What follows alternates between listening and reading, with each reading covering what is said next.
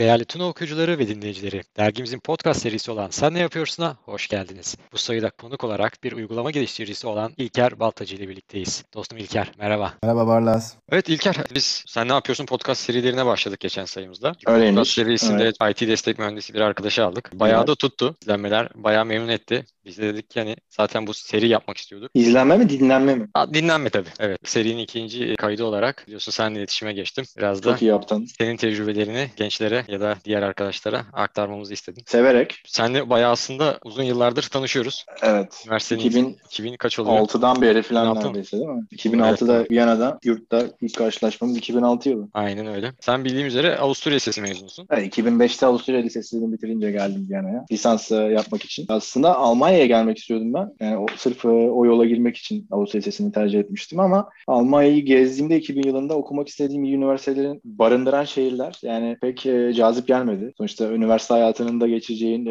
eğlence anlayışı olan yerler olması lazım. Ve yani Karlsruhe, Aachen gibi yerler biraz sıkıcı geldiği için Viyana'yı tercih ettim. Daha etkilemişti beni. 2005'ten 2013'e kadar Viyana'daydım. Yani master'ı da Viyana'da yap. Başta teknik informatik okudum. Daha sonra Wissenschaftsinformatik okudum üstüne. Aslında teknik informatik seçmemin sebebi ben bilgisayarla ilgilenirken elektronik kısmıyla da ilgileniyordum. Ama şeyi gördüm Avrupa'da özellikle Avusturya'da teknik informatik e, belki ara bir bölüm bilgisayarla elektronik mühendisliği arasında ama elektroteknik gibi bölüm okuduğunda çalışma imkanların Viyana gibi büyük şehirde yani aslında endüstri tabii ki var Avusturya'da ama Viyana'da da hizmet sektöründe çalışmak için pek iş, iş imkanı olmayacağını görüp birazcık teknik informatiği seçtim. Almanya'da bir çimiş kaftın herhalde bu iş. Aslında Almanya'da daha çok iş imkanı var evet doğru da tabii 2005-2006 yıllarında çalışma izni çıkarmak falan da bu kadar kolay değildi Avusturya'da aslında yani şimdiye göre daha regülasyonlar biraz daha kolaylaşmıştı. Ben mezun olmaya yakın. O zamanlar daha zordu. 10 iş ilanından belki bir tanesi falan hardware yazılımı üzerineydi. O yüzden ilerleyen yıllarda da software ve mobil yazılıma yöneldim. Zaten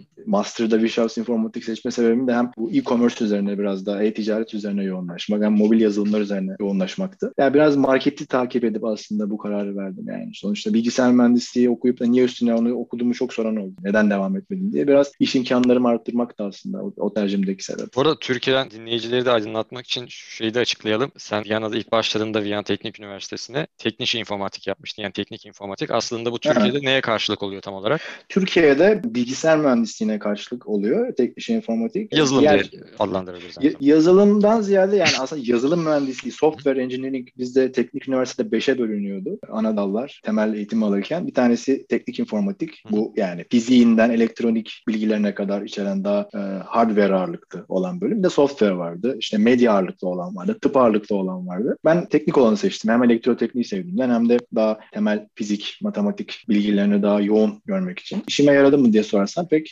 kullanmadım. Yani tabii ki zevk, zevk alarak okuduk. Ee, özellikle mikro işlemcileri falan programlarken tabii ki zevk aldık ama Türkiye'de de genel olarak bilgisayar mühendisliğinde zaten alınan dersleri gördük. Onu, Türkiye, İTÜ'deki arkadaşlarımızla da konuştuğumuzda onlar da benzer dersleri aldığını söyledim. İşte business informatik diye geçiyor. Master'da okudum Visual Informatik'te. O da Onu da mı teknik bilişim, üniversitede okudun? Onu da teknik üniversitede okudum. Ee, ne farkı var diye sorarsan Marmara'daki bilişim mühendisliği veya işletme mühendisliği diye geçiyor veya bilişim sistem, hatta. Bilişim sistemleri bilişim yönetimi evet. olarak geçiyor ama sonra galiba evet. işletme informatiği diye değiştiler. Aynen, iş, aynen. Bizdeki tek farkı şuydu. E, software altyapısındaki bütün temel şeylerin üzerine koyulan aslında bu yani uzmanlaşma dersleri belirledi. Biraz teknik ağırlıklıydı. Viyana Ekonomi Üniversitesi'nde daha ekonomi ağırlıklıyken teknik üniversite daha hı hı. software ağırlıklıydı. Proje bazlıydı bütün bölüm. Daha keyif aldım diyebilirim master'dan. Çünkü sınıf küçüktü. Öğrenci sayısı azdı. Tabii ki 2-3 tane zor ders vardı ama teknik informatiğe göre tabii ki program daha kısa. Yani master tezi zaten 30 kredi olduğu için geri kalan dersler gruplar halinde verdiği için daha keyif aldım. Genelde öyle oluyor ya. Proje bazlı olduğu zaman ve sınıfla beraber yapılan projeler galiba lisans programlarına göre daha ilgi çekici olabiliyor. Ya ders sayısı çok fazla oluyor ya bir de. Evet.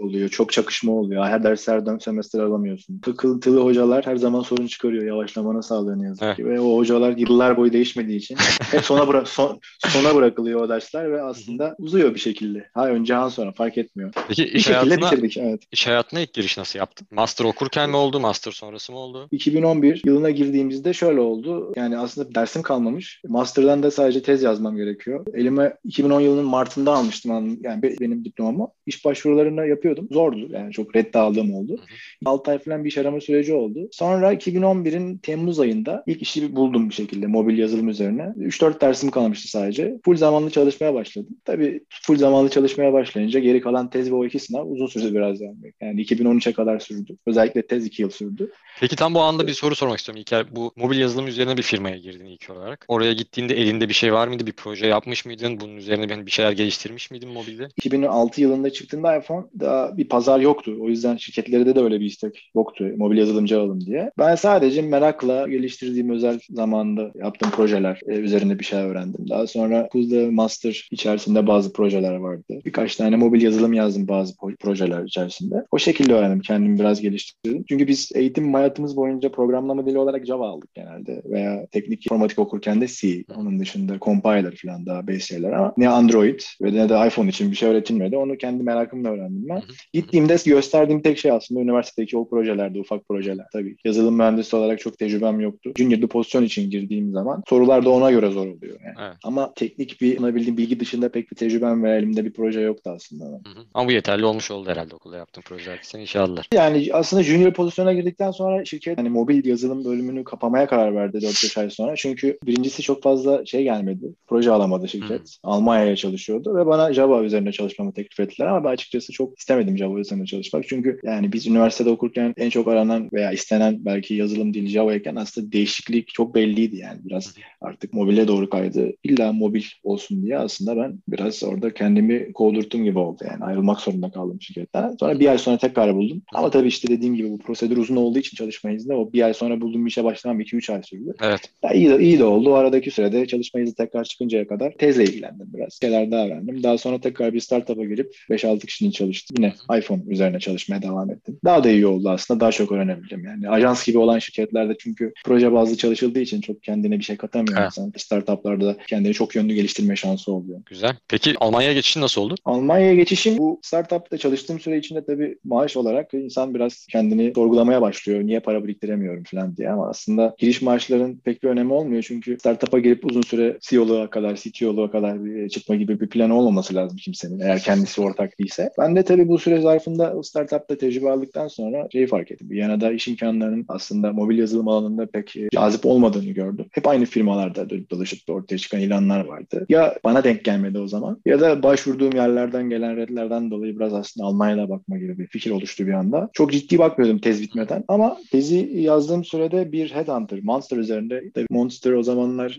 LinkedIn bu kadar aktif değilken Monster üzerinden insanlar iş arıyordu daha çok. Oraya CV'mi koymuştum. Bir headhunter, İngiltere'den bir headhunter bana işte Münih'te Six'te bir pozisyon açık olduğunu söyledi. Tabii o zamanlar çok heyecanlanıyorduk. Her headhunter bizi aradığında sanki iş kesin olacakmış gibi. Ama o iş e, güzel devam etti. Görüşmelerin ilk iki tanesi şey online olduğu için projelerini de online yapıp onlara sundum. Beni Münih'e çağırdılar. Yani şu an çok hızlı bir şekilde gelişti. Aslında plansız gelişti. Münih. Anladım. Yani o zaman mobil uygulamalar üzerinde başladın iş hayatına. O yönde devam etti. Ve evet, hep... şu anda da galiba yine mobil uygulamalar üzerinde. Yani şu an tam olarak sen ne yapıyorsun? Şu an tabii bu Six'ten sonra genelde IT'de şey vardır. 2-3 yıl kalıyorsa bir yazılımcı aslında onun için uzun vadede fazla bir süredir diye bir algı var. Yani normalde bizim babalarımızın zamanında özellikle 20-30 yıl çalışılan süreler artık şu anki Y jenerasyonu, Z jenerasyonu için yani gerçekten imkansız süreler gibi oluyor. 2-3 yılın sonunda hep şey oluyor artık e, size sunulan yani yazılımcılara sunulan altyapı kendini geliştirme imkanı az geliyor ve iş aramaya başlıyorsunuz. Ya sebep bu oluyor ya da maaş görüşmesinde size sunulan artış çok şey geliyor. Ya bir şekilde başka yerlere bakmak istiyorsun. Ve iş imkanları tabii daha cazip geliyor ya iş hayatının başındayken. Çünkü belki yeni gelen maaş teklifi %25, %30 daha fazla olduğu zaman inanılmaz gözleri parlıyor insanın ve yeni heyecanlarla. Tabii Six'teki bütün projelerde çalıştıktan sonra daha fazla kendimi geliştiremeyeceğimi görünce o sıralarda Check 24'ten bir şey geldi. iş teklifi geldi. Onlar da yeni bir proje üzerine çalışıyorlardı Native App için. Check 24'e geçtim orada. Lead Developer olarak iOS Developer. iOS'te çalışırken yine baktım ki freelancerlıkta da birazcık heyecan var ve kendimi geliştirme imkanı var. Paralel olarak part-time freelancer olarak çalışmaya başladım. Check 24'te çalışırken. Daha sonra kısa bir süre MediaMarkt'ta çalıştım. Şu an Kingsnet'te çalışıyorum lead developer olarak. Bu bir startup. Beni cazip kendine çeken teklif aslında hem yeni bir mobil yazılım bölümünün kuracak olması. Benim görevim de bu takımı oluşturmak ve Android ve iOS app'lerini geliştirmek, yeni fonksiyonlar koymak, modern hale getirmek ve iki platformu geliştirirken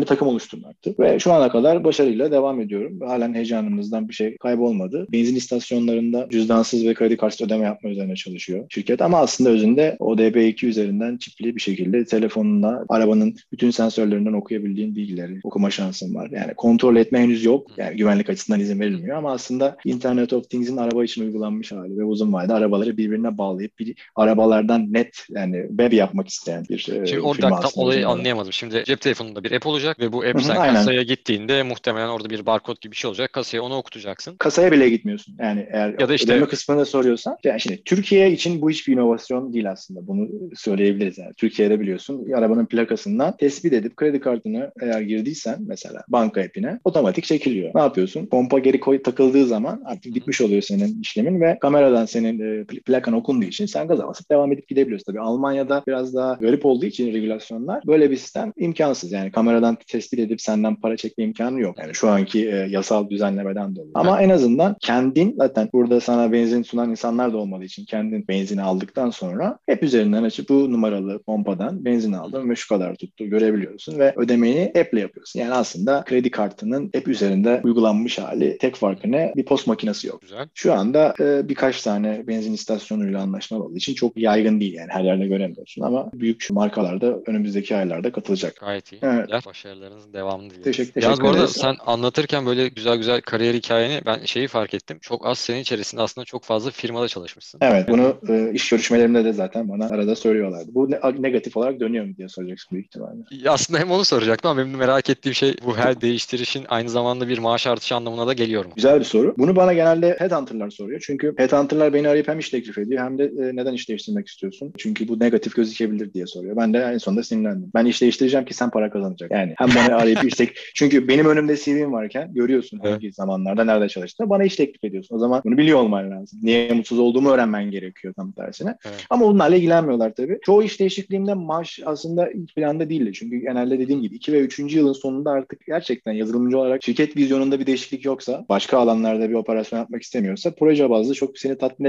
etmemeye başlıyor ve çevreye bakmak istiyorsun. Bu promosyon da alsan genelde Almanya, Avusturya gibi ülkelerde %10, %15 zam alırsın belki. Ama iş değiştirdiğinde başta juniorken biraz daha fazla alma şansın var. Soruna gelince tabii ki her iş değiştirdiğimde ben genelde %20, %25 koymaya çalışırım. Çünkü bir risk alıyorsun ve bunun karşılığını alman lazım. Ama daha az maaş alıp da vizyon olarak daha iyi gördüğüm şirketleri tercih ettiğim zamanlar da oldu. Veya bana kariyerim için daha çok şey katabileceğini gördüm. CV'm için daha parlak gözükecek işleri tercih ettiğim zamanlar da oldu uzun vadede. Tam almak istediğim cevap buydu zaten. Evet. Ama yani bir insan zaten iş değiştiriyorsa ya şefinden memnun değildir ya firma kötü durumdadır ya da daha çok para kazanmak istiyordur. Ama ne olursa olsun bence %20 artış olmadan tercih edilmez gibi geliyor. Aldığın riske değmez çünkü. Özellikle 6 aylık bir deneme sürü süreci varken ortada hı hı. bu riski değmesi lazım değiştirmen. Ha, bu da önemli bir tecrübeydi evet. Şeyi merak ediyorum. App development aslında kulağa çok hoş gelen bir şey. Oldukça da popüler. Evet. Çok genç arkadaş da şu an belki o yöne yönelmek istiyor. App developerlar üzerinde aranan özellikler nelerdir? Developer'ı normal software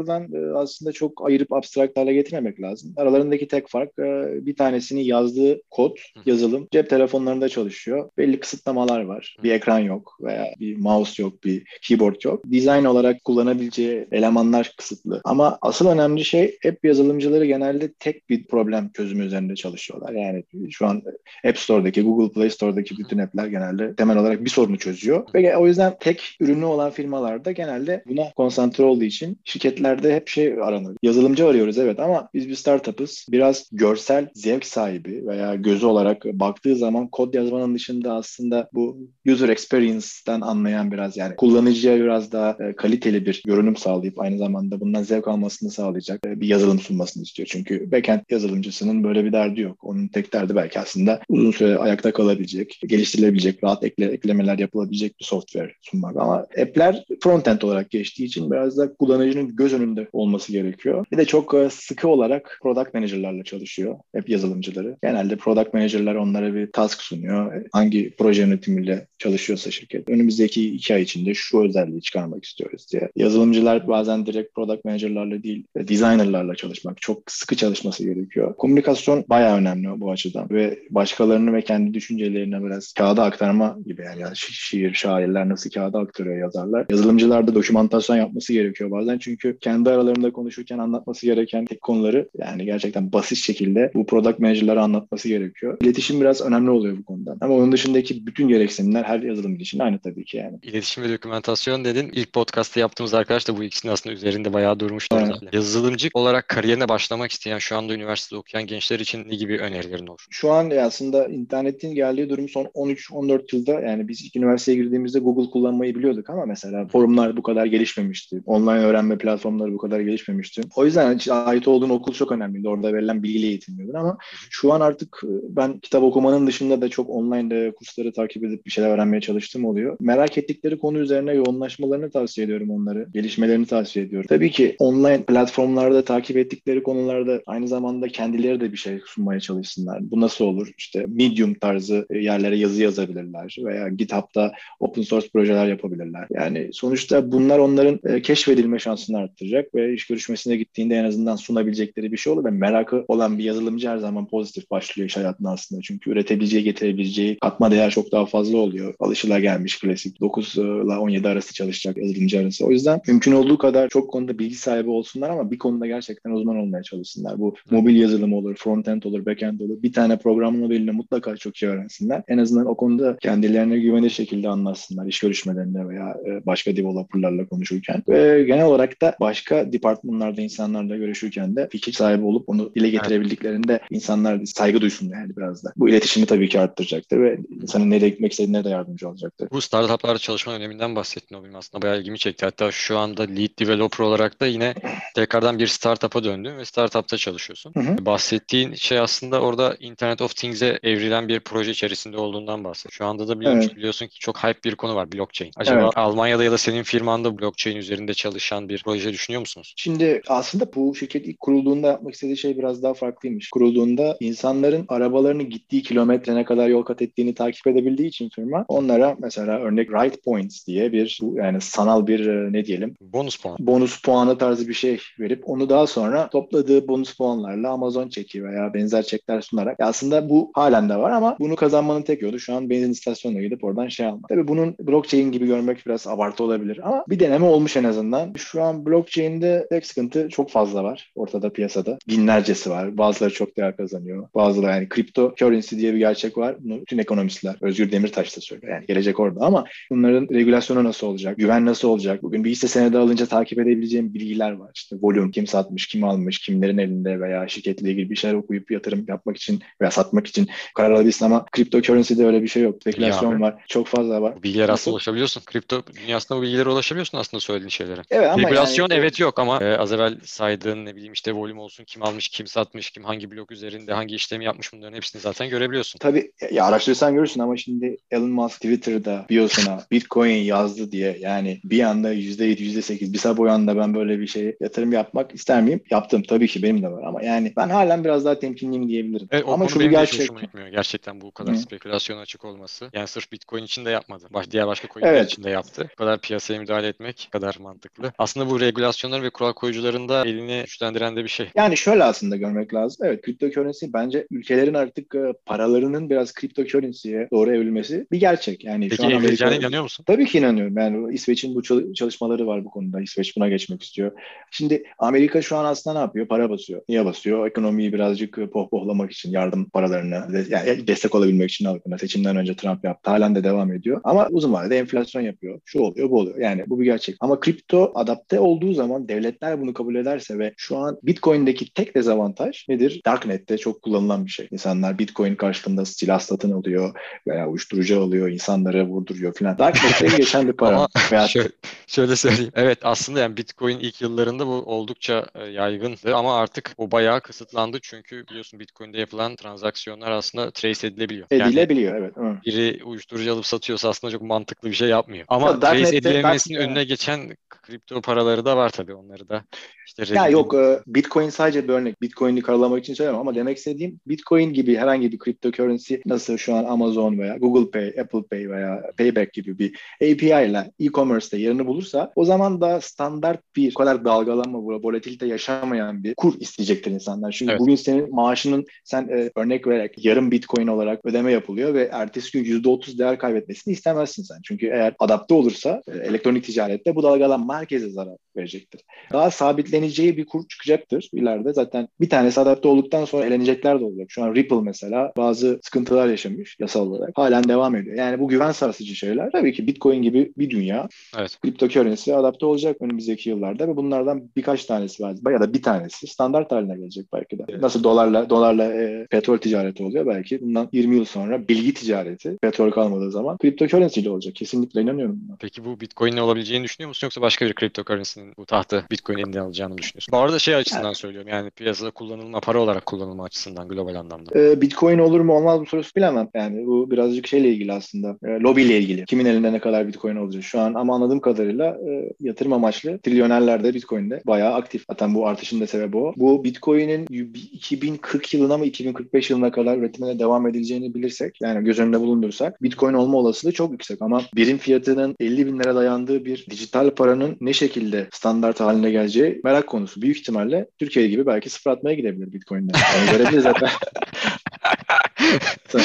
çok çok büyük kehanet oldu. evet. Yani bunu görebiliriz. Hep beraber. Ama ya, ya tutarsa bu video uçar gider acı ben sana söyleyeyim. yani bu şekilde olması lazım. Yani 50 bin lira olan birim fiyatı 50 bin lira olmaz bir şey. Yani lira gibi bir şey bu sonuçta. Ve değerli bir şey. 50 bin eurodan bahsediyoruz. Türk lirası da değil yani. Veya lira Ama değil. saklama değerinde olduğu bir gerçek. Bunu kanıtlamış oldu bu son artışlarla beraber. Evet yani şu da var. Ama 2 yıl önce o 20 bin liraya çıkıp alanların elinde kaldı ve 2 yıl boyunca hiçbir şey yapamadılar. Sonra tekrar yükselmeye başladı. Çoğu dayanamayıp sattı. Yani evet. satmayanlar varsa da zaten para kazandı. %200'e yakın. Daha küçük birim olan fiyatları daha ufak olan coinlere yatırım yapanlar var. Benim gibi mesela Ripple almıştım. Çok başarılı olamadık. Ama Bitcoin'lerim de var. Çok çok e, küçük ölçekte olmakla. Ha, e, ben de onu diyecektim. Bitcoin'lerim var deyince biraz yanlış anlaşılmaya keşke, çok müsait. keşke, keşke. Bundan yaklaşık 15 yıl önce bir arkadaşım Mert. Selamlar kendisine dinlerse. Evet, gerçekten selamlar. 2009 yılında demişti ki Bitcoin diye bir gerçek var ve artık bundan 20 yıl sonra 30 yıl sonra tavan yapacak. İnsanlar yatırım yapacak hisse senedi gibi. Ben dedim ki Mert dedim kahveni sigaranı bitir de derse verelim. Bu da ne kadar vizyonlu oldum bu. Göstermiş o. Ve almadık. O gün alsaydık çok 2 dolar falandı galiba. Hatırlamıyorum tamam ama bayağı bir şey. Yok tam bir şey söyleyeyim bak. O muhabbetler çok oluyor. Biz de ilk mining yaparak başladık. Kaç senesiydi? Kaç senesini hatırlamıyorum. 2000 valla 13 müydü? 14 müydü? Neydi yani? 100 dolar mıydı? Neydi fiyatı? Yok biz daha ama daha azken hatırlıyorum ben yani. Tabii daha az olduğu zamanlar da var. Gerçi 100 doları görüp ondan sonra tekrardan çok fazla aşağı kırdığı da oldu. Ama şöyle bir de gerçek var. O zaman bu mesela cold storage'lar falan yoktu. Yani borsalar bu kadar güvenilir değildi. Yani o zamanlar gerçekten biz bu bitcoinleri satın alsaydık da elimizde tutabilseydik bizimkiler mesela hacklendi. Tamam şu an zengin olabilirdin ama o zaman inanılmaz bir hack furyası var. Yani kullanılan Evet, bütün evet. bu hot wallet'ların ya da işte bu mining pool'ların birçoğu e, hacklendi. Yani şu anda elinde kalabilmesi de gerçekten bir e, mucize yani. Çok düşük bir şans. Tabii hack, e, hackleyenler çok oldu. Onun dışında mining yani aslında elektriğin ucuz olduğu ülkelerde bayağı denendi. Yani Avrupa pek uygun değil bunun için. İlk Ethereum'da tanıştığımda birim fiyatı 110 lira falan da al- alıp satmışlığım da var günlük ticaret için ama şu an geldiği yerlere bakarsan Evet. aslında algoritması sağlam ve güvenilir olan bence her kripto para önümüzdeki 10 yılda damga vuracak. Yani Bitcoin kesinlikle bunlardan biri. Ethereum da bunlardan biri. Tekrar edilmesi gereken şey yani merkez bankaları genelde problem çıkartıyor. Veya Avrupa Birliği Komisyonu mesela Apple Pay çıktığında güvensiz dedi. Dolandırılmaya çok müsait bir ortam dedi ama şu an Covid sebebiyle görüyorsun her yerde insanlar dokunmatik ödemek istiyor. Ve bankalar kendileri dokunmatik çalışan kartları yolluyor. Yani büyük ihtimalle bu 10 euro davası var. 10 euroya geçmediği sürece kart kullanamazsın. Hiçbir yasal aslında tepusu olmayan. Bunları geçecek. Yani dokunmatik ödeme olacak ve bence para gerçekten kalmayacak. Çünkü zaten para mantıklı bir şey değil. Hem hijyenik değil hem de mantıklı değil. Özellikle hijyen konusu değil mi son pandemiyle beraber bayağı Evet, gündeme geldi. Peki şeyi Kesinlikle. sorayım İlker, e, şeyleri takip ediyor musun? Bu DeFi platformlar var. Merkeziyetsiz finans. Son zamanlarda bayağı onlar da de- değerlendi. Hatta ilk 20'ye Ben- giren, ilk 10'a giren coinler oldu. O kadar benim uzmanlık alanımın dışında kalıyor. Ben daha hisse senetleri, borsa, ETF oralardan sorabilirsin. Ben sadece Bitcoin, Ethereum ve onları takip ediyorum. Anladım. Elimde çok az bulundurduğum için. Anladım. Decentralized Finance ben herhalde değil mi? DeFi. Evet, decentralized finance. Çalışmadığım yerden soru sordum. Bundan konuşuyorum ve Evet İlker, çok güzel bir söyleşi oldu. Bize zamanını ayırdığın için çok teşekkür ederiz. Değerli Tuna okuyucuları ve dinleyicileri, bir sonraki Sen Yapıyorsun'da görüşmek dileğiyle. Hoşçakalın.